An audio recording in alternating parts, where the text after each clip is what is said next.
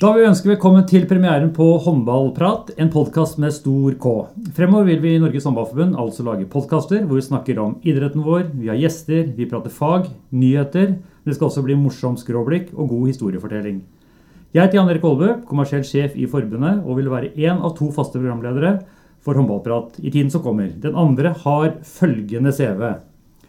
305 landskamper, 475 mål, to OL-gull, ett VM-gull, fem EM-gull, ett VM-sølv, én VM-bronse, EM-sølv, en haug av norske titler. Vært landslagskaptein. 509 kamper for Larvik, 595 mål. Og kanskje noe av det viktigste, nummer to i årets 'Mesternes mester'. Karo, Ja. en, litt av en CV. Ja, det er jo sånn når du har lagt opp, så er det jo da man skal lese den opp. Så man blir litt sånn Oi, var det så mye? mye oppvarminger med så mange kamper. Karo, vi kommer til å ha med gjester hver gang i podkasten. Til premieren har vi fått med oss en storspiller. Mm. Velkommen, Amanda Kurtovic. Takk. Hva tenker du om CV-en når du hører den til Karo? Nei, men uh, walking legend, må jeg si. Ja, det er jo imponerende. Høre alt hun har vært igjennom, og alle meritter hun har tatt. Så nei, forbilde. Men den er ikke så gæren din heller. Nei, den klatrer, den gjør det. Du har vunnet eh, OL-gull i 2018, unnskyld, 2012. Du har bronse i 16. Du har VM-gull i 11 og 15. Du har sølv i 17, EM-gull i 16. Du har vært med å vinne Champions League Larvik. Ja, ja, du kom var inn i Larvik i 2011. Jeg var med i troppen, men jeg, det, Vi, vi kaller det Ja, man var Ja, veldig ung da. Ett mål mot Tyringen, men jeg, hadde- Ja, ja, det- var jo et, et lite bidrag. Ja. Ja, ja, ja. Fire NM-gull, fem seriegull og vunnet sluttspillet fire ganger. Og så har du eh, vunnet i Danmark, du har vunnet i eh, rumensk liga. Du har 115 landskamper og 285 mål. Du har ni tominuttere. Vet, du- vet du hvor mange du, sitter siden av det her? Vet du hvor mange Karo er? Uh, kanskje ja, firedobler, eller? Femdobler? Hun har 136 Oi, tominutter, og det er altså 272 minutter. Og vet du hvor, hvor mange timer er det? Det var sånn ca. 4 12 timer, så jeg har sånn sittet på stått over 4,5 kamp, da. Så kanskje Det trekke fra 4,5 kamp, da. Du har 4 timer og 32 minutter hvor du sitter og sett på jentene spille håndball. Ja, det er ganske nøyaktig 4,5 kamp, det. Men var hun så tøff i forsvaret, eller? Ja. Øh, En av de aller beste forsvarsspillerne, så da koster det eh, noen to minutter på veien. Hvor mange røde kort er det nå? Er det Null. Ja, vi er faktisk null. Mm, aldri Og fått du et har, du har heller ikke et rødt kort, da. Nei. Men, men du har sittet altså bare 18 minutter har du sittet og sett på. Hva er som er forskjellen på dere sånn, eh, som håndballspiller? Karo spiller mye med forsvar. Jeg har jo spilt to år i forsvar. Jeg har ikke spilt så veldig mye. Jeg spilte litt eh, nå slutten av sesongen og litt på landslaget. Jeg har eh, vokst litt i forsvar, men eh, jeg er ikke liksom min sterkeste side. Men Så har jeg har to lyst, til, lyst til å bli bedre. Det kommer du til å bli også. Nå får du erfaring. nå. Ja, det er snakk om 200 kampers forskjell nesten nå, da, så da har du Har litt å gå har litt på. å gå på. Du så du på Amanda, mest- årets 'Mesternes mester'. Ja, ja. Så alle. Alle episodene. Hva tenker du om innsatsen til Karo? Nei, men jeg hadde, jeg hadde forventa at hun var i toppen, for hun er helt rå. Eh, og så Ja, nei, det er eh, var imponerende å se. Ja, Vi andre som ikke kjenner henne så godt, da, jeg må si at jeg sendte jo meldinger både til Kari og sendte meldinger til mammaen hennes her som jeg jobber sammen med. Men vi, vi ble veldig imponert. da, Ikke minst den innsatsen hun har. Hun er bra på alt. Mm. Men når det kommer til andre ting, ting hun skal huske, om det er datoer eller skal legge sammen ting, så virker hun rimelig smart, denne jenta òg. Ja, hun er uh, intelligent. intelligent. Hun er det på alle områder. Ja, ja. Må gi oss. Det er Amanda det skal handle om, ikke meg. Ja, nå er vi ferdig. Men vi skal gå litt videre. Vi skal snakke litt om nå-situasjonen. og ikke minst eh, Du har vært inne, du har hatt noen tøffe skader. Mm. Så fikk du en tøff skade i november i fjor, i 2018. Hva er det som raste gjennom hodet ditt når du spiller mot Frankrike, og du skjønner at du har eh, fått en alvorlig skade? Vi snakker bare dager før eh, EM-åpningen i Frankrike. Ja, det er jo mye som skjer i hodet. Jeg skjønner det på et par sekunder at eh, hele sesongen er borte, egentlig. Eh, Jeg forstår at det er det alle har prata om. Det føles ut som hele kneet er ute av stilling, og jeg hørte den derre lyden i kneet. Og frysninger bare du snakker om det. Og det er jo som Ja. Skjønte det med en gang, og det var egentlig derfor at jeg ble så At jeg ble så redd, da. Eh, Det var ikke nødvendigvis så veldig vondt, men jeg bare forsto at eh, Ja, det var de eh, ni, ti, elleve, tolv månedene som gikk. Um, så Ja, og så er det litt sånn blackout i en periode der hvor jeg Folk har fortalt meg hva jeg har sagt, eller hva jeg har ropt og skreket, som jeg ikke husker selv. Jeg husker at jeg kom inn i garderoben, da fikk jeg en sprøyte i låret av Anne. Og etter det så, ja. Det er veldig vondt å se synes jeg, når man ser noen ta et korsbånd. Jeg har tatt dessverre begge to selv, og jeg så jo det nesten før hun skjønte det selv. For det tok et par sekunder før hun hylte. Ja, Hvordan er det rett og slett å se en lagvenninne påføre seg en ordentlig skade? For dere- skjønner det ganske fort. skjønner Ja, altså du skjønner, du skjønner at det er et korsbånd, både på situasjonen og også på det hylet som kommer. Eh, Jeg får vondt og frysninger bare å snakke om det. Og så var jeg usikker på Det var jo landskamp, det var jo i Telenor Arena, så jeg var usikker på om Amanda hadde noen eh, der som kunne ta vare på henne. fordi at det er de minuttene eh, som du har med en gang det har skjedd. Det er helt forferdelig. Og da skulle være alene i en garderobe, fordi at ingen av de andre spillerne kan være med deg inn. Så jeg var i hallen og fikk lov til å komme inn i garderoben, og det er ikke noe gøy å komme inn, fordi man forstår konsekvensene av hva som har skjedd. Og du har sett på tidligere lagvinnere har gjort det samme, og du bare ser at det neste året, det, det går, da. Og så kort tid på mesterskapet òg. Det er ikke noe gøy. Nei, jeg var der selv også. det er Vanligvis så ser du det på TV, da. Mm. Eh, Men her var det, det ble så stille i hallen. Da hørte du at du skrik av dine også, for du skjønner jo hva det er. Først er det sikkert utrolig vondt, og så skjønner du liksom du Ja, det bare går opp for meg at eh, Og da blir det bare sånn at eh, jeg tror jeg skreik Nei, nei, jeg vil ikke, jeg vil ikke. Liksom, du har lyst til å bare ta tilbake de to sekundene da, og bare gjøre ting annerledes. Men eh, det er jo marginer, og det hadde sikkert skjedd før eller siden uansett eh, om man er uheldig. Og bare stå i det nå. Og det var faktisk Håvard som sa til meg i dag, om fysioen jeg går til, at nå er vi snart over halvveis. Og det var litt sånn Å, Det hørtes deilig ut. Ja, det var litt eh, godt å høre. Men når, du, når du vet du hadde fått en sånn skade, og når du har fått en dag eller to på det, er du, er du inne på tanken å legge opp i det hele tatt når du har den merittlista som du har? For du vet jo at du har åtte til ti utrolig tøffe måneder foran deg. Er, har du Slo du deg noen gang, eller har du bare bestemt deg at jeg skal tilbake? Nei, har aldri tenkt det, egentlig. Eh, første jeg tenker, er eh, Det er så mange som jeg kjenner, da, som har gjort det samme. Um, Sånn som Karo og Gro. og liksom, Det er veldig mange som jeg kjenner som har hatt en korsbåndskade, som har kommet sterkere tilbake enn noen gang og blitt bedre enn det de var før, til og med. Så hvorfor skal ikke jeg klare det samme? Nei, altså, du, du har det bra nå. Altså, du, har jo, du jobber deg tilbake, selvfølgelig, men du kjenner at det går framover, og du er, du er positiv som aldri før. Ja, jeg, ja. jeg er et par år eldre enn eh, enn når jeg var skada i skulderen. Og da var jo på en måte hele livet var jo Alt raste, egentlig. Men eh, nå det, er, det finnes så mye annet i livet som man kan glede seg over enn håndball. Og det viktigste for meg i den perioden her er at jeg kunne ha vært hjemme sammen med familie og venner og omgås mennesker som jeg er glad i og som jeg elsker. Og det gjør at ting blir litt lettere også. Så nei, jeg gir jo ikke opp. Og det er heldigvis mange ting som skjer framover som er veldig spennende. Og det er jo også kanskje ja, I håndball så kommer mesterskapene veldig ofte. Så det er jo det at det er heldigvis ikke fire år som kanskje andre eh, idrettsgrener at det skjer noe i. At det er noe å, å, å se fram til der fremme, når du forstår at det mesterskapet som er om eh, en uke, det går fløyten.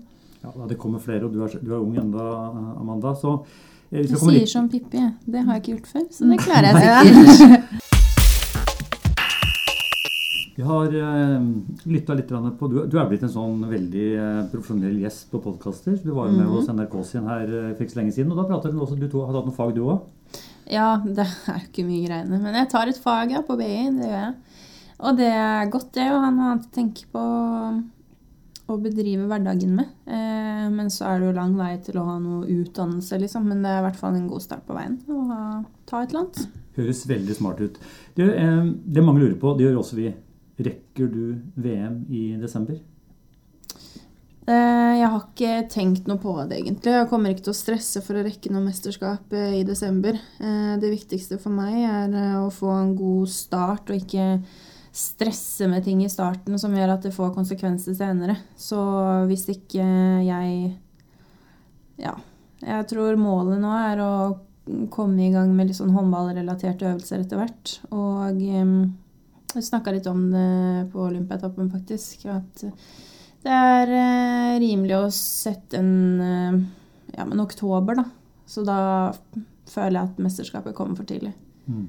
Så jeg kommer ikke til å stresse og rekke noe mesterskap. Når er du på gulvet sammen med de andre lagvenninnene? ordentlig håndball? Ja, men forhåpentligvis så kan jeg jo være med litt, eh, ikke 100% men eh, fra start i, i august. Og så gradvis eh, trappe det opp, hvis alt går som det skal, da. Hvor viktig er Amanda for laget? Nå skal vi ikke snakke om eh, det laget hun er i Romania i dag, Mm. hun skal til, men for det norske landslaget? Jeg syns hun er veldig viktig. Hun kan for det første bekle flere posisjoner. Hun er en flerposisjonsspiller. Kan både spille høyrekant, høyrebekk og midtbekk. Og det å kunne være en alternerende venstrehendt eh, midtbekk, det er veldig vanskelig å spille mot i forsvar, syns jeg personlig. I hvert fall når det står høyre toer. Eh, For der er du vant til å bare møte høyrehendte. Men når du har en plutselig har en eh, venstrehendt som kan bruke det rommet og skyte på en annen måte, så er det veldig mm, vanskelig for Forsvaret og en veldig styrke for Norge. I tillegg så har hun jo veldig rutine. Har et eh, håndballhode av de sjeldne. Kommer jo fra en håndballfamilie og har en pappa som kan mye også. Så hvor mye hun kan, hvor mye hun får med seg, og den teknikken, den er jo noe bare jeg kan drømme om. Så, så det er klart at hun er en, en styrke for Norge. Både med de kvalitetene hun har, men også den personen hun har. Så det betyr at vi, vi gleder oss til Amanda er tilbake. Det gjør vi absolutt. Ja, ja.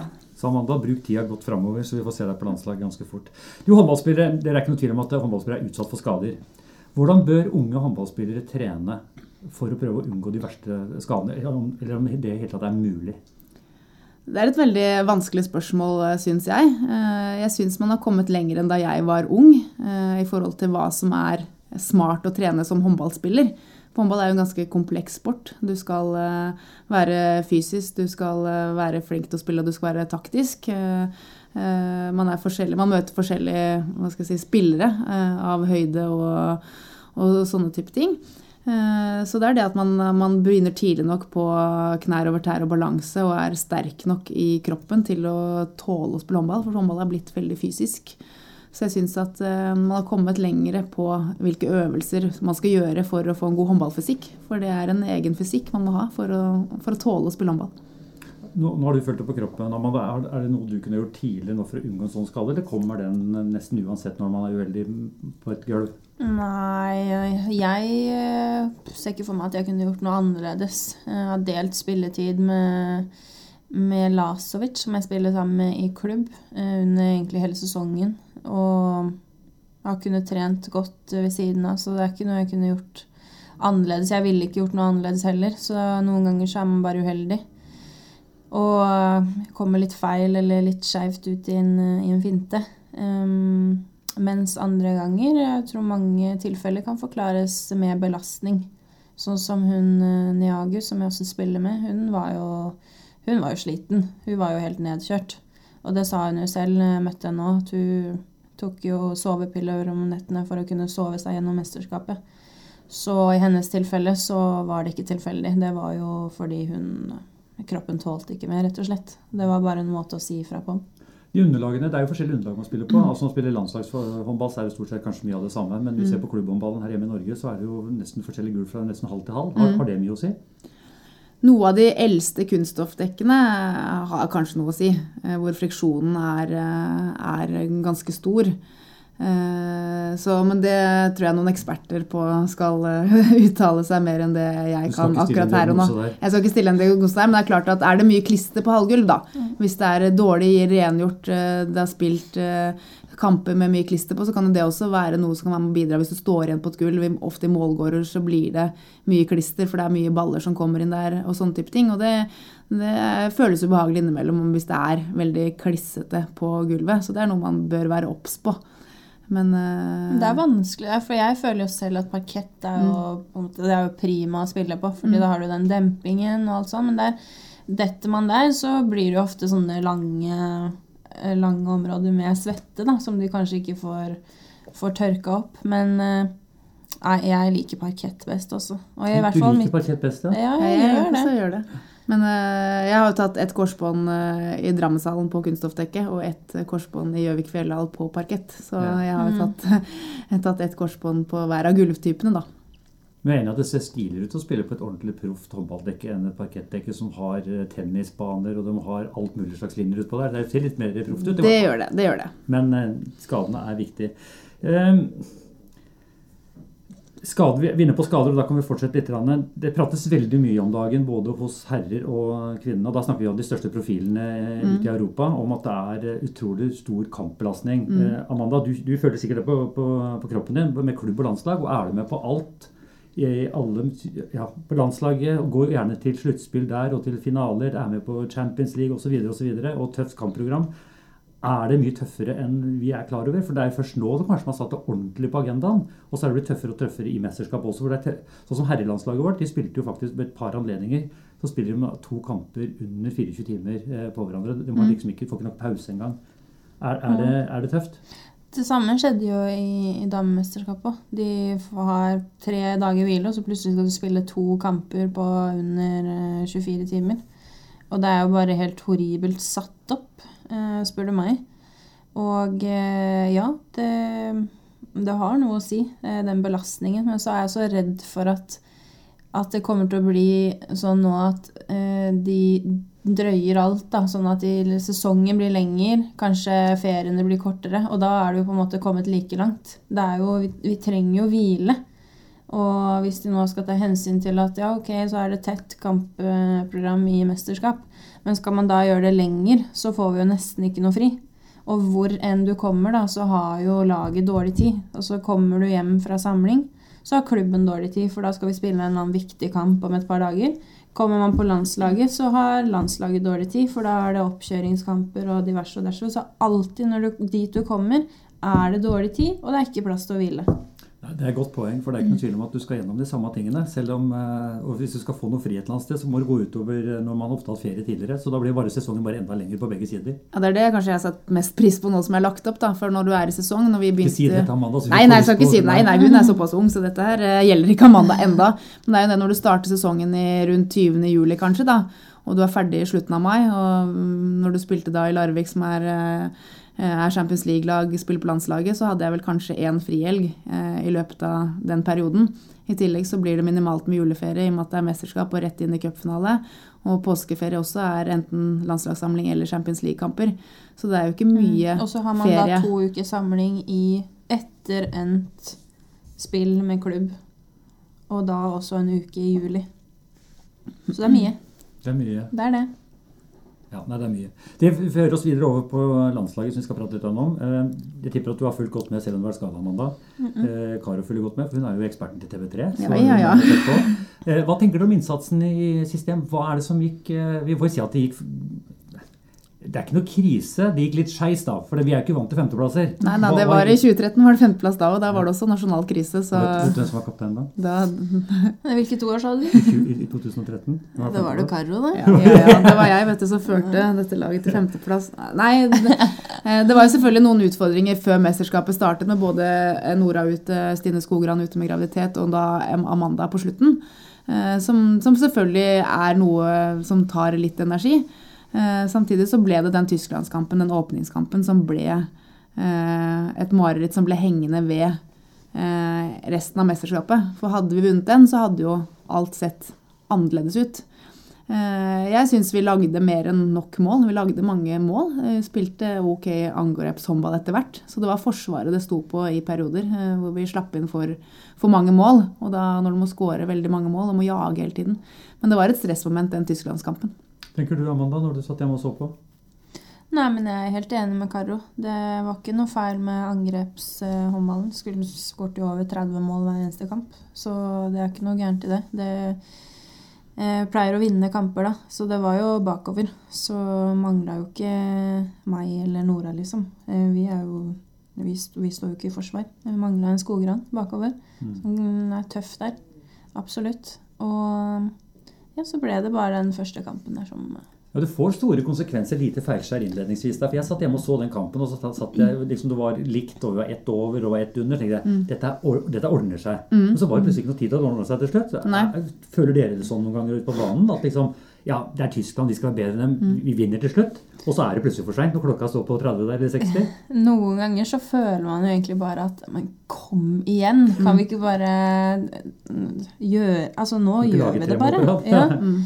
Men uh, så er det noen ganger hvor det bare ikke funker. Altså alt uh, Alt går skeis, egentlig. Og, og det, å spille mot lag som, som, egentlig ikke har noe press på seg, har alt å vinne. Jeg så Tysklands kamper eh, helgen før, da Norge spilte Møblingen Cup, og det var ikke et et Tyskland som var like bra, eh, en like bra utgave som det Norge møtte i åpningskampen. Jeg så Tyskland i en av de siste kampene deres, mm. og da tenkte jeg har vi tapt for det Ja, laget der? men det jeg var synes den, bare eh, Etter den kampen der, etter Ja. Norgekampen, så mista de det jo helt. For Ja, da hadde de jo press, Ja, men du kasta jo baller i klokka og til publikum. Det var liksom Ja. ikke, det var ingenting. Så liksom lurer på, har vi ikke klart å tape for det? De overpresterte mot oss der i starten også. De Så, det. så det er litt sånn det at man eh, Åpningskamper, det, uansett hvor mye man sier det og folk ikke tror på det, de lever sitt eget liv, virkelig. Det er noe spesielt, og det er vanskelig å forklare hva det er. Og man tenker at ja, når man har spilt så mange åpningskamper, og da burde man jo vite hva man går til og, og gjøre noe med det og forberede seg. Men så er det sånn Plutselig er den dagen der da, som du har trent for et halvt år eller siden mesterskapet i fjor, og så, og så møter du et lag som har alt å vinne, og, og litt sånn. Så det var veldig synd, fordi det kunne gått så mye bedre enn eh, hvis vi ikke å tape den Vi tar en liten nedtur hvert femte år hvis dette her er en liten nedtur. Vi gjør Men jeg syns også de skal være veldig stolte av den stigningen de hadde underveis i mesterskapet òg, for det er veldig lett å på en måte gi opp Mm. etter en sånn start. Eh, Men de Vi feide jo av motstand av banen på slutten. Ja, de hadde jo en enorm stigning eh, for hver kamp, så det må de absolutt ha med seg. Den, eh, Jeg tror mange, mange lag hadde, hadde kanskje tenkt at nå er det over, så nå, er liksom, ja, nå trenger vi ikke å jobbe. Men det å, å på en måte gå ned med flagget til topps, Det er en stolthet der. Ja, og den skal man virkelig være stolt av, det arbeidet. Og, og jeg vet hvor mye det koster å gjøre den jobben eh, som de gjorde. Eh, og det var jo det var på håret om å gjøre at det faktisk gikk inn til en semifinale med den hjelpen eh, i siste hovedrundekamp der. Så, så det er marginer, men det er alltid best å kunne avgjøre selv. Du, Vi har vært gjennom akkurat Golden League også. Mm. eh, Og vi, jeg må si at eh, den vant jo Norge. Vi er det første store vi hadde etter mesterskap. Det er ikke et mesterskap, riktignok. Vi var uten Nora Mørk, vi var uten Amanda, Heidi Løke, Veronica Christian, eh, Stine Skogran. Og vi vinner fortsatt. Hva sier det om bredden vi har? Det sier alt. Vi har gode spillere som kommer hele tida. Og de skal vi ta vare på. Så det er en enorm eh, styrke eh, Norge har. At de har så mange talenter og så stor bredde i, i håndballen. Det, det er enormt. Er det noen spillere som har imponert deg nå den siste tiden, etter at du eh, dessverre var ute med skade? Men det er jo sånn at når eh, ens død er en annens levebrød, så da må folk eh, steppe opp og ta ansvar. Og noen som kanskje ikke har følt at de kunne ha tatt den rollen, må gjøre det nå. Og det, det er jo det, det er akkurat den samme jobben de gjør i klubb, f.eks. Så det er helt eh, Jeg syns det er fint å se at det er så mange som blomstrer og tar mer og mer ansvar. At ikke det er bare én eller to. Og det er det som gjør, kan gjøre Norge utrolig sterke på sikt, og at det er flere som tar like stort ansvar. Da, og som viser fram kvalitetene sine. Mm. Og det tror jeg er viktig å få frem alle kvalitetene, ikke bare noen enkeltspillere, men alle, for at man skal kunne vinne. Kvinnelandslaget vårt har vært et landslag med stor L i mange mange år. og Det er liksom ikke noe én som har stått fram mer enn andre. Men eh, vi har en ung jente nå som har kommet mm. bare i løpet av siste året. Fikk jo muligheten i første mesterskap med Henny Reistad. Er det en spiller som kommer til å bare blomstre videre og bli en stor stjerne for oss? Ja, jeg håper jo det. Og den, eh, den utviklingen hun har hatt i år, fra de første eh, Champions League-kampene med Vipers, hvor det er litt å kjenne og ta på, på nivået, og måten hun fremstår som, som spiller, og veldig uredd, eh, det syns jeg har vært en fryd å følge gjennom hele sesongen. Og så er det det at nå har jo folk begynt å, å forberede seg på henne, og allikevel så imponerer hun stort, og har jo veldig bra fysikk til å være ung, og, og, og stort repertoar. Så det blir spennende å følge henne fremover. Når vi først er inne på det, det hopper litt ut av manus her nå, men det er eh, Vipers. Mm, Nå skal de spille en veldig viktig kamp på lørdag. Det ser jo veldig bra ut. De kan bli et Final Four-lag i år. det tror jeg det blir. Ja, men det må de bli. Ja. Altså, Men men, Men hva tenker du om er det? Det det er jo helt fantastisk det som har skjedd på Sørlandet nå.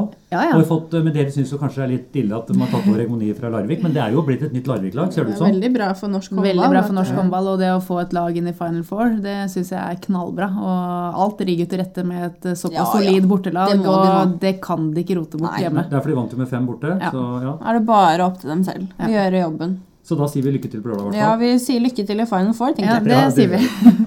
Du, Landslagsåret framover i 2020 Vi skal først ta med oss VM, men Mm. vi har, så er det kommer eh, et OL i 2020. Amanda, der skal du i hvert fall være med. Ja, der skal jeg være med. Men åssen er det å få et mesterskap på hjemmebane? Nei, det er jo noe helt eget, det. Å kunne ha sine egne folk i ryggen. Det er jo som å ha en ekstra spiller på banen. Så dere blir, dere blir åtte. Ja, det blir det. Men nå skal vi spille i, vi skal spille Trondheim, Mm. Stavanger, og så er det finale i Telenor Arena i desember i 2020. Der skal vi ha ca. 13 000 mennesker inne. Og, ja, og jeg regner med at vi spiller finalen. Vi, vi tror jo det. Eh, er det noe som motiverer ekstra når du har et mesterskap på hjemmebane? Det spiller ikke så stor rolle om det er i jeg, jeg skjønner at det er like moro å vinne et mesterskap uansett hvor det er men tirrer det litt ekstra å ha den på hjemmebane? Ja, absolutt. Det du får på sier. med spilleren din, så Ja, men det blir sånn når man, eh, når man spiller på hjemmebane. Eh, Kjenner bare når man spiller Champions League på hjemmebane og i klubb, at eh, å ha fansen i ryggen, det er Den støtten, den er undervurdert, altså. Det, du får ekstra power av det. det. Du gjør det. Det er jo bare å se hvordan tilstanden er når man spiller Møbelringen Cup på hjemmebane. Og det er jo ikke så ofte man får lov til å spille. Det er jo kun den, egentlig den ene gangen i året, kanskje en kvalikkamp. Eh, Så eh, mange folk som kommer og, og heier, og det er som Amanda sier, det blir jo den åttende spilleren. Og det får spille et helt mesterskap denne gangen, og ikke må til Danmark for å få lov til å spille Nei, finale. nei, alle Norges kamper det går i Mm. Norge, så det blir jo helt fantastisk. Ja, så det, det er noe man må ta med seg, altså. Skulle bare ønske at finalen ikke var i Telenor Arena. For det er dårlige minner derfra. Nå kan du ta et skikkelig hevn, Amanda. Jeg håper i hvert fall at de setter opp noe varmeelement, for det var jo minusgrader den sist. Det var jo tragisk. Tenk deg det, nøyaktig to år etter forrige eller skaden din, så, så henger du en gullmedalje rundt eh, hodet Ja, i Telenor Arena. Det satser vi på. Ja, det hadde vært bra revansje. Det var bra revansje. Men jeg vet ikke om du har lyst til å si så mye om det, Amanda, men da spør jeg i hvert fall deg, eh, Karo. Mm. Eh, tre viktige mesterskap. Mm. VM i Japan inn i desember. Mm. Og så er det da sommer-OL i 2020. Vi er ikke kvalifisert til dette her ennå. Men eh, vi skal spille mot Hviterussland to kamper i forhold til den. Og så skal vi, og vinner vi mesterskapet, så er vi jo kvalifisert til OL. Mhm. Det vi vet vi er kvalifisert til, det er EM på hjemmebane. Hva tenker du bør være målsetningen til det norske laget? Ikke si sånn der at de skal kjempe om eh, Nei, nei. finaleplass og sånn. Nei, jeg tenker det at medalje, det er jo alltid noe man går og drømmer om som, eh, som håndballspiller, og i hvert fall det jeg gjorde. Og i hvert fall jeg gikk aldri ut på en håndballbane og trodde at man ikke hadde mulighet til å slå alle de vi spilte mot. Og det er jo et godt utgangspunkt. Og så vet man jo at det er jo noe mange tenker. Eh, Men jeg kan sammenligne litt med i 2013, når vi fikk femteplass. Eh, Den eh, evalueringen og det eh, det vi gjorde det året eh, for å komme tilbake igjen da eh, og ta eh, EM-gull da i 2014, VM-gull i 2015. Eh, det kan sammenlignes litt, Janne, så vi får håpe at vi får, får den stigningen og sånn. Så jeg har tro på at det vi så også i Golden League nå i mars, at det gror veldig godt i norsk håndball. Eh, Så jeg tenker at eh, medalje det er noe som er veldig realistisk, og helt sikkert en, eh, en drøm og et mål for alle de som faktisk skal være utpå der og spille. Og så er det noe OL også. Det er jo en liten revansjelysten gjeng, tenker jeg. Selv om jeg personlig tenker at OL-bronse det er jo fantastisk bra og en, en stor prestasjon, så er det nok noen der som, som drømmer om en annen farge på den medaljen neste gang. Når vi kvalifiserer oss dit. Hva tenker du om målsettingen? Tore hører ikke på er Nei, men eh, som når man spiller, så tror jeg det er viktig Man drømmer jo alltid om eh, medalje. Det gjør man jo alltid når man eh, møter opp og skal spille et mesterskap der. Men det er viktig Jeg er jo veldig glad i de der delmålene. Og på en måte gå inn og si at ok, nå skal vi, vi skal vinne gruppa. Det er det første målet. Og så å ha, å ha sånn underveis. Men som sagt, det, Norge har på en måte aldri Det er ikke noe snakk om noe annet enn å kjempe om medalje. Nå skal vi vinne gruppa, så skal vi vinne alle kampene etter det. Da pleier det som regel å gå bra. Ja, ikke sant? Da er det i hvert fall bedre utgangspunkt for at man skal stå helt på toppen av pallen. Ja. Karo, Mm. du spilte med Amanda. Mm. Både i klubblag og på landslaget. Hvordan var det som lagvenninne? Jeg tenker ikke hva spesielt på. Du har snakket veldig mye om eh, nå, Du ble litt nei- nervøs nå? Nå, nå skal jeg bare sjekke igjen. Ja, ja. Ja, Åssen er det som lagvenninne? Og jeg har vært så heldig for å spille med Amanda egentlig i to perioder og fulgt utviklingen hennes fra hun kom til, eh, til Larvik på slutten av sesongen da vi vant eh, Champions League i 2011. Eh, Da var hun bare hadde ikke fylt eh, 20 år engang. Så var relativt ung, men så jeg at det var et vanvittig håndballtalent. Eh, Det å få til å være på trening med henne, så mye håndball hun kan, det å se eh, små muligheter i spillet eh, ut ifra det store bildet, der er hun helt unik. Og det å kunne komme inn og, og spille på forskjellige posisjoner. Hun tar, tar, den rollen hun får, om det er på, på kant eller på bekk eller på, på midtbekk. Eh, det har vært veldig gøy å følge den utviklingen fra kanskje være litt forsiktig og komme inn i et Larvik-lag. Det, det, er ikke bare bare å komme inn i et Larvik-lag som har vunnet Champions League, men hvordan hun har, har tatt seg Var med litt på det, hun skåret et mål? Ja, hun skåret et mål, og det var veldig gøy. Eh, måten hun har tatt stegene, jobbet eh, langsiktig, jobbet med delmål, taklet motgang. Hun har hatt dessverre litt motgang, møtte jo det etter OL-gullet etter London, når hun ble skulderskadet i Wiborg. Eh, kom seg tilbake dit, tok et eh, år i Oppsal, eh, bygde seg opp, fikk ansvar der. Og det å følge henne til å, å spille på lag med henne rett før jeg la opp på den høyrebekken hun klarte å, å skape seg selv til å bli, det var en fantastisk god utgave. Og veldig synd at hun ble skadet for jeg er sikker på at hadde ikke hun blitt skada da, så hadde vi gått til Final Four det, det året. Fordi hun var så fantastisk god, og det håndleddet du har eh, det, Jeg kjenner litt gåsehud, jeg. Ja. jeg òg. Ja, det, ja, nei, det, det, er noe jeg bare som sagt kunne drømt om å få. Det, det, ligger mye trening bak. Hun kan virke som at hun er litt sånn som ikke, ikke bryr seg innimellom. Eh, men Amanda bryr seg vanvittig mye om håndball. Hun bryr seg om at de rundt henne skal ha det bra. Vanvittig glad i familien sin. Så når Amanda fikk dessverre en hjernerystelse på trening, og hun kjørte, ble kjørt i sykebil, så kjørte jeg hjem og hentet uh, mamma så, uh, og bilen, for uh, mammaen jobber på sykehuset Tønsberg, så hun skulle få være med. Så ja, det har vært en glede å følge Amanda opp igjennom. og Hun er jo elleve år yngre enn meg, så jeg har jo sett gradene fra en forsiktig liten ungdom som har ambisjoner, til å bli den tøffe jenta hun er nå, og i ferd med å bli. Og det å gå til Bucuresti, da skal du være tøff. Og det å nå ta skrittet videre i Gjør, få lov til å spille de to, eh, to beste klubbene i verden, da skal du være god. Og det er Amanda. Hvordan har du høre på det her? Amanda Recaro er den som har spilt flest landskamper i Norge. Mm, nei, jeg blir jo rørt. Uh, det, ja, det er veldig hyggelig. Veldig koselig å høre. Du, du slo gjennom tidlig.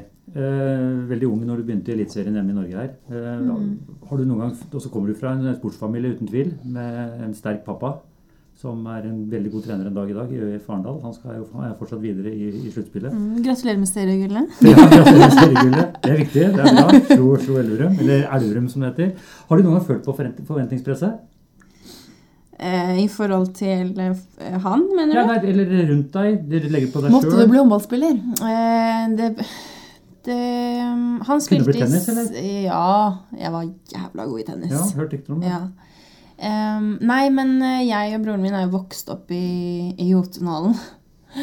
Um, han spilte for Stiff der, så vi var jo alltid med på treningene og liksom så på de store gutta og liksom Oi, se, han tok en underarm, vi må prøve det inntil veggen, liksom.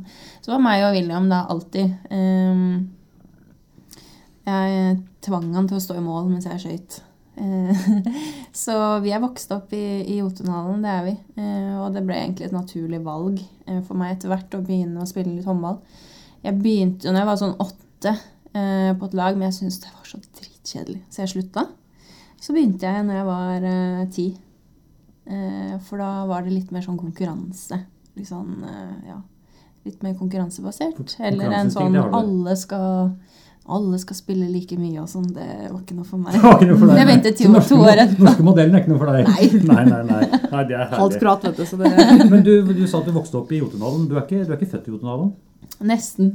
Nei da. Hvor er du født? I Sverige. Ja. Karlskrona.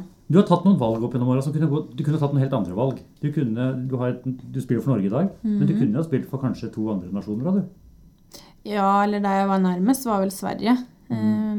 Men da jeg var 15 og måtte velge, så hadde ikke Sverige noe juniorlandslag. Måtte være 16 for å få spille der, så da måtte jeg vente et år. Men da ble jeg med. Vi er, vi er veldig glad for Eller jeg ble ikke med, jeg ble tatt, tatt ut av Gautestad og co. Så ja. Jeg er veldig glad for det valget, da, for å si det sånn. Eh, angrer ikke på det i dag. Nei, Det gjør ikke vi heller. Du, kan, Amanda, kan ikke du eh, beskrive deg litt som eh, Amanda som privatperson? Hvem er Amanda som privatperson? Mm, jeg er um, Jeg er sta. Og så er jeg um, veldig Jeg er lojal. Og så er jeg kjærlig. Mot de jeg liker. Mot de du liker, ja. Ekstra kjærlig mot de jeg liker. Ja. Og glad i kanelboller. Veldig glad i kanelboller. Sukker generelt. Alt med sukker på, det Smågodt fra Sverige. Uff, ja. Men du, har du bestandig vært en uh, Altså, du har, du er en, du er en eldre bror. En er yngre. Unnskyld, yngre bror. Har du vært bestandig en støttende storesøster? Ja. Vi har fått en historie fra hjemmefra når eh, broren din ble født. Nei. Kan, kan du huske hva som skjedde da? Ja, jeg husker, jeg husker det. Skal du Ja. fortelle det? Jeg kan godt fortelle den, ja. Du, Nei, Ønska du deg bror, eller ønska du deg søster? Nei, jeg ønska meg en lillesøster. Um, det var på en måte, det var drømmen min da, å få en lillesøster som jeg kunne leke med og, uh, og dresse opp. Men eh, så vi Det er jo en tradisjon i familien min at vi ikke skal vite kjønnet på, på babyen. Eh, det egentlig alle i min familie gjør det samme. De venter til den dagen de skal føde, og så blir det surprise. Men eh, ja, så vi visste ikke hva det ble, da. Så var jeg hos mormor. Mamma og pappa var på sykehuset. Og så hadde mormor tatt meg ut og ri hest. Det var liksom det beste jeg visste. Så vi dro ut til sånn park eh, der og rei, rei på hest. Og så fikk mormor en telefon fra sykehuset, og så eh, Så hørte jeg mormor i bakgrunnen et par meter unna bare 'Å, ble det en liten gutt? Gratulerer.' Og da Mista det? klikker det for meg. Jeg mista det totalt. Og bare Nei! Jeg vil ikke ha han! og nei, det var det verste som kunne ha skjedd. da. Så jeg grein og grein og grein og grein i timevis. Og så fikk mormor tvunget meg inn i bilen og kjørt til sykehuset. Så fikk jeg holdt han derre stygge lille guttebarnet. da. Og etter det så har jeg aldri sluppet han. Aldri sluppet han. Men det gikk før du kom deg på sykehuset, gikk det rykter om at din mormor ble litt, eh, gikk utover lommeboka hennes en dag. For du måtte ri veldig mye poniridning før du dro av gårde. Ja, For at du skulle bli blid igjen. Ja, det må man, eh, man må stå i det. Koster Det gjør meg glad. Men du har et bra forhold til broren din i dag. Ja, veldig. Vi, eh, Ja, William spiller jo i Sandefjord. ja, vi er jo fire Altså det er mamma pappa, meg og William. Vi har flytta veldig mye fra vi var små. Så vi er på en måte Vi er veldig close, da, vi fire. Bare for å understreke her nå, for Det kan høres ut som eh, Amanda ikke er glad i familien sin når du fikk den historien med broren din, men det er helt feil for alle vi snakker med. Og familien din sier at det viktigste for deg, aller viktigste for deg, det er familien din. Ja, jeg sa jo det etter Ja. at jeg holdt ham på sykehuset, så har jeg aldri sluppet Ja, han det er det ingen som helst tvil om at familien betyr mye for mandag. Men du, når du taper, Mhm. eh, du er ikke noe glad i det? Du, du, er, du er ordentlig konkurransemenneske? Ja, det én ting å tape håndballkamper. Men det verste er jo å tape sånn kortspill og dritt. Da klikker det for meg. Men jeg fikk noe rykte fra skolen fra Sverige. Har, du, har du svelget en terning en gang for at du skulle unngå å tape? Altså er det mamma som har sladra om Fy fader, det er dårlig gjort, altså. Men du tok Ja. like godt å svelge en terning? Jeg gjorde visst det. Det er en god historie, da.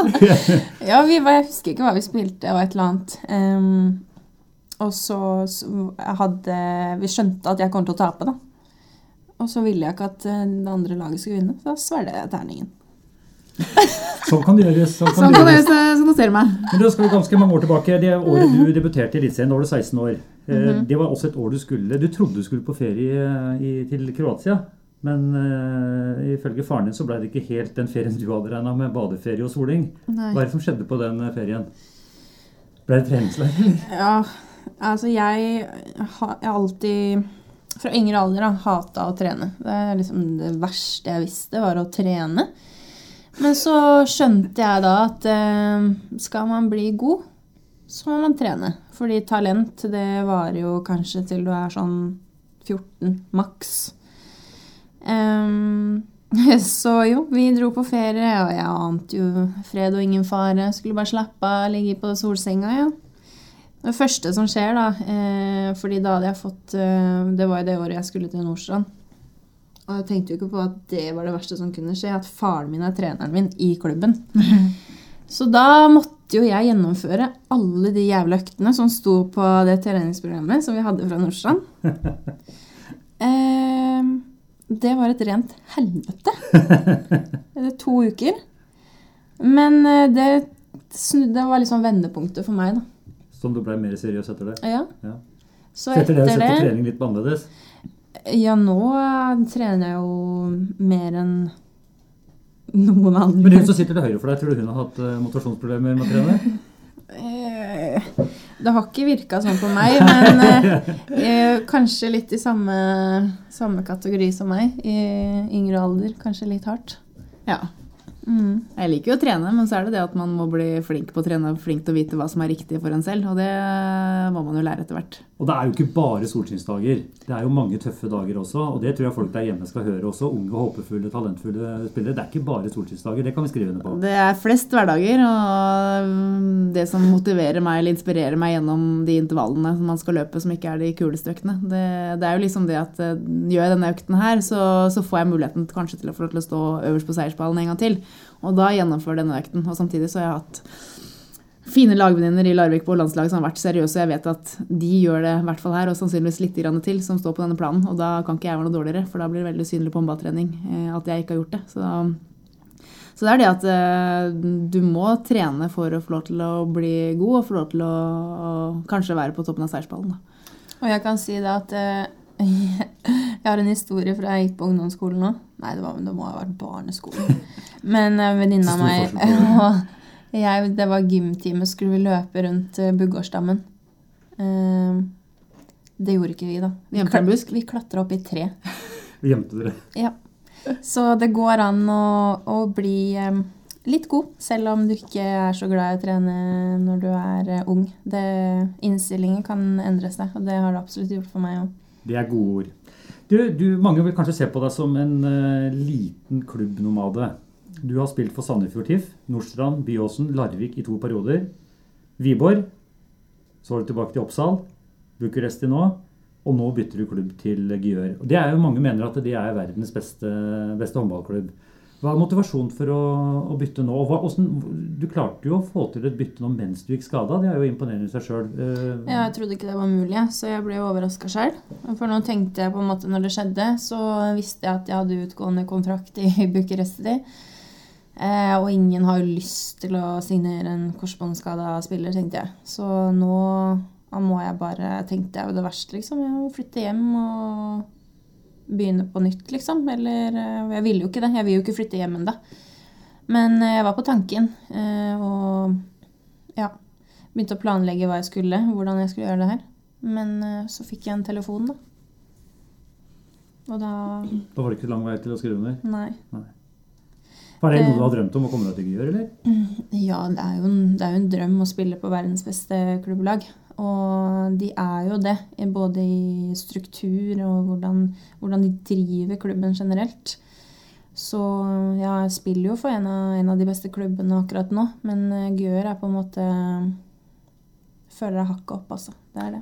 Jeg var så heldig, jeg var og så på, på Vipers mot Gjør mm. i en Champions League-kamp. Og den gjengen som kom fra Gyør jeg tipper det var 200-300 mennesker, og det levende, og da, var det, da hadde de vunnet gruppa for lenge siden. Men allikevel så kom det såpass mange fra Ungarn og så på, og det levende de klarte å lage der nede, det var helt fantastisk. Så den, så den klubbkulturen og den supporterkulturen de har, hvis de har noe likhet på hjemmebane med sikkert mange flere tusen, da må det være, da må det bra stemning i den hallen. Det er jo 5000 der på hver eneste kamp, og når de har oppkjøringskamp der eh, første preseason-match, så er det jo nesten full hall da bare på en sånn nesten vanlig trening når de har en åpen trening. Så det er jo vanvittig engasjement i klubben der nede, og det er jo de gøyeste kampene å få lov til å spille på eh, ja, i Gøro nede i Øst-Europa. eh, For de er, eh, publikum der er helt fantastiske. Og spesielt Gør sin gjeng. Det er bare å lære seg den, den ungarske nasjonalsangen nå, for den synges jo foran hver eneste Gør-kamp. Så jeg gleder meg til at du skal synge den. Det det, Det er jo håndballens eh, Barcelona. Ja. Men for meg så er det litt merkelig. Du går den veien fra Bucuresti til Gjør, og så går eh, din eh, lagvenninne på landslaget hun går motsatt vei, Nora Mørk. Ja. Hva er årsaken til at Nora velger eh, den veien? Nei, det må nesten nesten spørre henne om. Men nei Begynner litt på blanke ark begge to, da. Og får, får en ny og, og fin start i hver vår klubb. Eh, Begge tenkte vel at det var på tide, og så er det jo fantastisk at det går an å gjøre sånn. Mm. Mm, Og Nora har også ut, vært ute med langtidsskade. ja. Så jeg tror det blir De får også et helt fantastisk lag eh, neste år. Så hvis de får det til å fungere, så tror jeg Ja, da er det ikke mange som kan slå de, altså. Du har vunnet absolutt alt du kan vinne med klubb og landslag. Hva er det som motiverer deg til å satse videre? Jeg har lyst til å vinne Champions League, da. Ja, det, det er På ordentlig. Ordentlig, ikke bare sånn Ikke ett mål mot Turinger. Å være med på hele reisen og få være med å bidra og, og være en stor ressurs i et lag som vinner den største trofeen du kan gjøre på klubbnivå, det har jeg lyst til. Og så blir du aldri mett på å henge medaljene rundt halsen eller løfte, løfte de trofeene eh, på landslagsnivå. Det er, jo, det er jo bare en stor motivasjon, bare det. Er det litt sånn som du hadde, Karo? Du også, selv om du var jo bare i Norge. Mm. Bare, men du har jo vært med å vinne absolutt alt med, med Larvik, med Mm. landslaget. Mm. Var litt sånn som du hadde, som Amanda skisserer her. Ja, det er det når du først har vunnet det en gang, så vil du jo gjerne få den følelsen igjen. For den klarer du ikke å skape eh, på egen hånd. Mye Eh, vil ha mer. Ja, mye vil ha mer. Eh, og den følelsen da å få lov til å, å sette deg mål, jobbe hardt eh, både med klubb og landslag gjennom, eh, gjennom et år. Eh, få lov til å spille finale, få lov til å spille de kuleste kampene som alle drømmer om å få lov til å spille. Eh, Det å være spent, det å høre Heia Norge, da, helt klart og tydelig når du er på lineup før en finale, det er noe spesielt. Og det å mm, klare å vinne, da, det, det kan liksom ikke forklares hvis du ikke har opplevd det selv. Og det når du får den følelsen en gang, så har du så innmari lyst til å gjenskape det. Men du, du, er, du er ferdig vunnet. Mm. Bortsett fra at du kan være med i noe realprogram og vinne der. Gjør ikke det engang. sånn. Farmen og sånn. ja. Men Amanda er ikke ferdig vunnet. Nei, jeg er misunnelig på det, altså. Ja, så du, det er ikke noe tvil om at eh, Amanda kommer til å henge noen gullmedaljer rundt halsen i neste år, om det er med klubb eller landslag. Det Ja, det, det er jeg ganske sikker på. Hvis hun fortsetter den eh, utviklingen hun har som håndballspiller når hun er frisk, og vi krysser fingrene for at den, eh, det skal hun bli, og er på god vei til å bli frisk. Og syns de tankene hun har og gjør seg om å når hun skal komme tilbake, at hun ikke skal stresse, men at hun selvfølgelig har disse målene og delmålene på veien, syns jeg høres veldig fornuftig ut. Eh, Du skal tross alt ha dette kneet eh, ganske lenge. Eh, og hun er ikke gamle jenta ennå heller, så så syns jeg det høres veldig fornuftig ut. Og jeg er litt misunnelig på det å kunne løpe ut på oppvarmingen på de store kampene på, i Champions League og i mesterskap når du ikke hører noen ting. Eh, og du kan stå eh, med en halvmeter mellom deg i forsvar, og du hører nesten ikke deg selv tenke, og du hører ikke hva naboen sier om det kommer en spiller eller overgang eller hvem har strek og de tingene der. Så akkurat det er jeg ganske misunnelig på. Det beste er når på. du kommer inn, inn i garderoben i pausen, og du bare sånn Pip! Mm. Altså, du hører ikke en dritt, Ja. og så skal treneren begynne å snakke. Så bare Hæ? Hæ? Så, Det er det beste. ja, så akkurat det, det, det er jeg litt misunnelig på. Eh, Men så vet jeg samtidig at det koster vanvittig mye å få de følelsene også. Så Du har vært med på det 305 ganger med landslaget. da. ja da, så jeg er stolt av det. Ja, det har du grunn til. Du, Amanda, nå skal vi gå videre. Nå skal du ta ut eh, en super syver, som jeg har kalt det. Det, kan være, det er drømmelaget ditt. Det kan være eh, norske spillere. Det kan være klubb, landslag. Du skal velge fritt. Du skal være med på laget. Og det, er, det jeg er nesten mest spent på, er at hvilken posisjon er det for jeg, da, da vil Hva er som er drømmeposisjonen din av de du er mest kjent for å Det er spille? høyrebekk. Det er høyrebekk. Da skal du spille høyrebekk på det laget. Mm. Ok, Og resten? Ja, men jeg eh, Begynner bakerst, da. Ja, jeg må først si at det er vanskelig å skal plukke ut på en måte drømmesyver, fordi hvert lag er jo unikt på hver sin måte. Eh, Men jeg tror den beste opplevelsen jeg har hatt på klubbnivå, og det, det kommer det til å være så lenge jeg lever, eh, det er den, det siste året i Larvik. Ja. Hvor åh, Jeg savner det sånn, det året der. Det var jo helt skal vi få et rent Larvik-lag nå? ja, ja, dere får det faktisk. Fordi det var, det var, det var mitt eh, drømmelag. Jeg hadde det så bra, og vi, jeg stolte på absolutt alle. Og jeg visste hvor jeg hadde alle til enhver tid, og det var, det var ikke noe tvil. Og vi, eh, vi begynte den sesongen ræva. Vi var dritdårlige. Men så satte vi oss ned og gjorde noe med det. Og vi spilte, vi fant opp nye avtaler, og vi vi avslutta sesongen med nesten komme til Final Four, men så var vi uheldige med skader og drit på slutten der. Men hadde ikke vi fått eh, de skadene, så er jeg 100 sikker på at vi hadde spilt Final Four.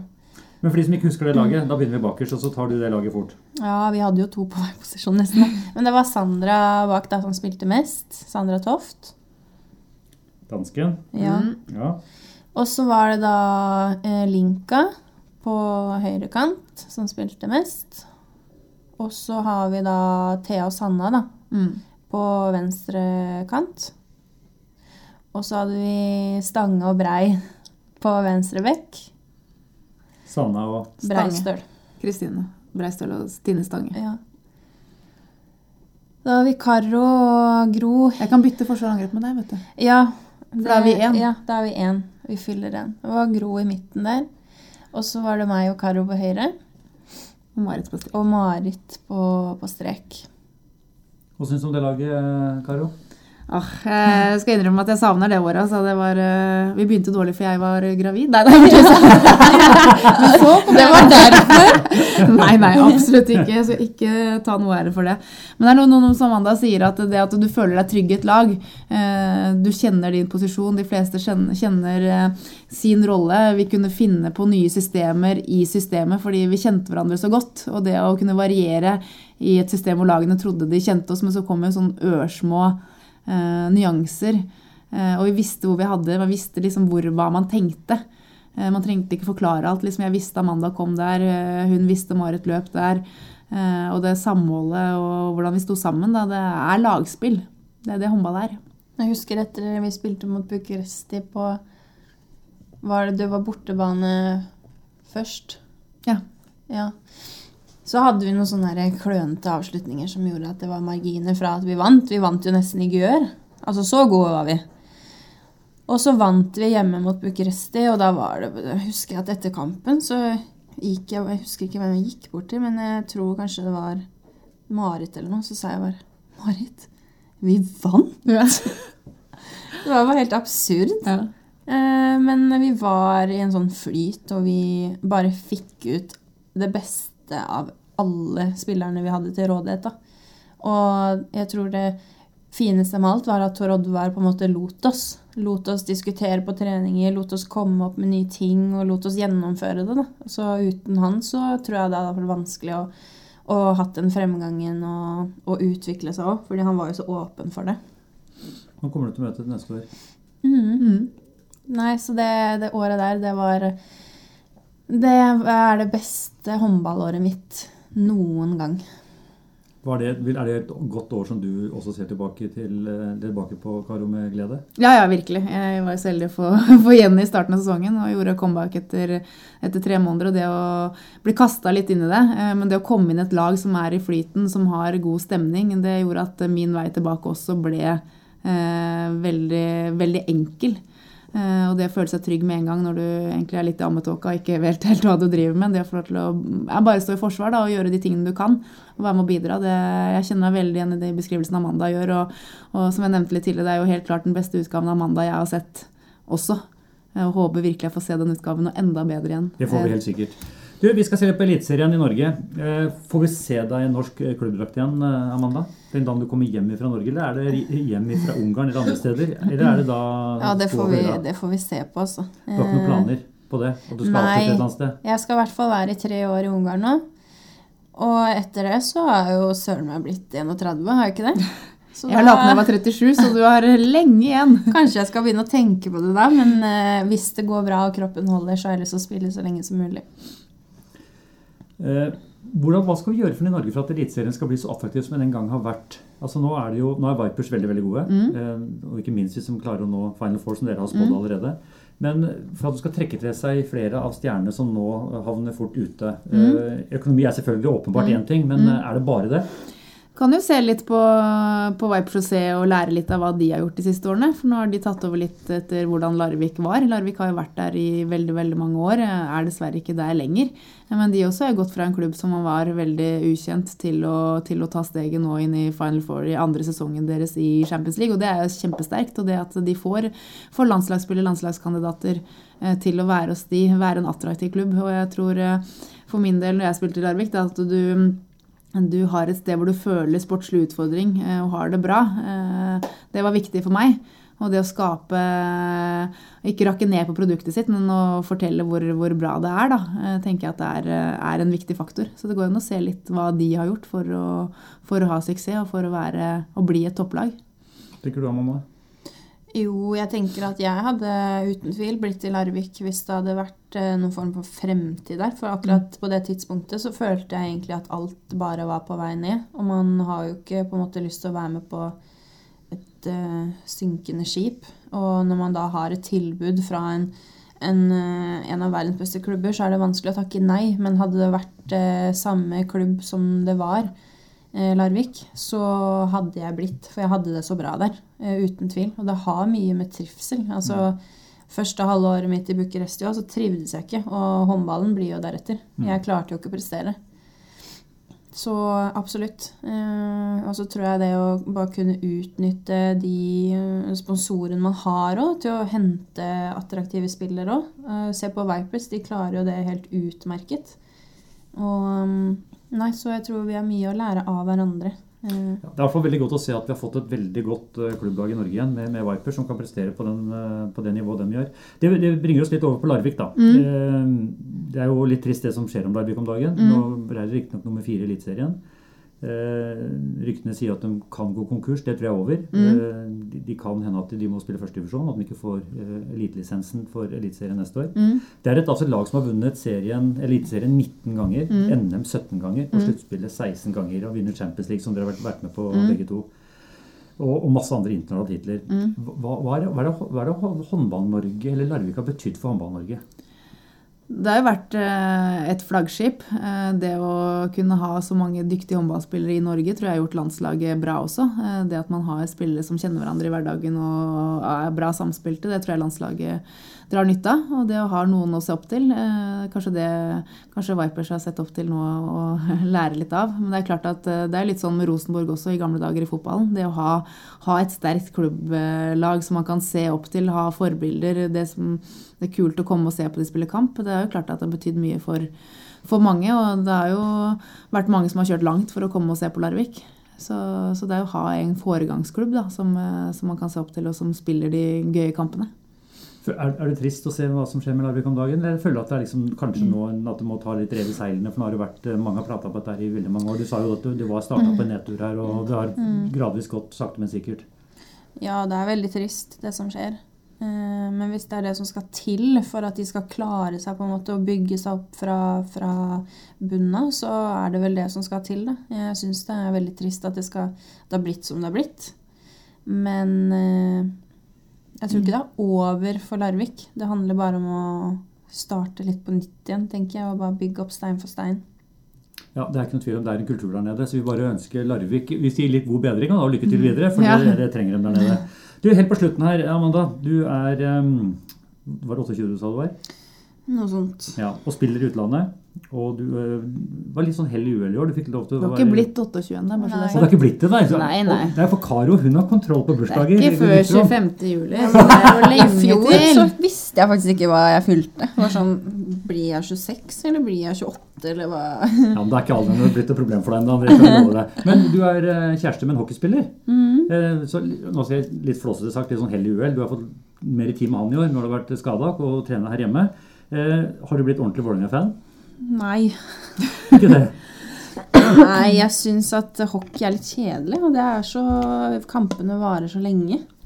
Og det er kaldt i hallen. Det er, det er tre ganger 20 minutter. Ja, men det er jo pause i 20 minutter òg, da. Men da kan du spise popkorn. ja. Nei, så det har vært litt vanskelig for meg å vært i kampene nå, eller se på kampene i starten, siden jeg har vært skada. Så har vært, eh, det er ikke så deilig å sitte med 90 grader bøy eh, og se på hockey. Eh, så jeg har sett det meste fra sett på sumo, da. På så, sumo, men ja. ja. jeg skjønner jo ikke reglene og sånn, da, men få med hvis han men, gjør det bra, da. Men Brede, når, han, når dere begynte å date og eh, faren din er jo en, uh, ordentlig herremann. Grua han seg noen gang til å møte faren din første gangen? Nei, han uh, Brede er en veldig jovial fyr. Han er lett å like. Så han er flink til å snakke for seg. Og han er veldig selvsikker. Så det har ikke vært noe problem i det hele tatt. Jeg tror det var han som pressa meg i starten. Kan vi ikke dra hjem og hilse på foreldrene dine? Det var jo heller jeg som grua meg. Nei, kan vi ikke vente litt, da? Men du, Har dere noen konkurranse på hjemmebane, du og Bredle? Er det å be om bråket med en eh, iskriger? Nei, han vil ikke bli assosiert med iskrigerne lenger. Han er ferdig med det. Ja, så Og hockeyspilleren, da?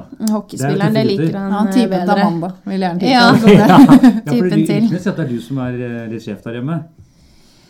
Nei, altså jeg, Alle som kjenner meg, liker jo Eller veit at jeg liker å ha litt, eh, ha litt kontroll, da.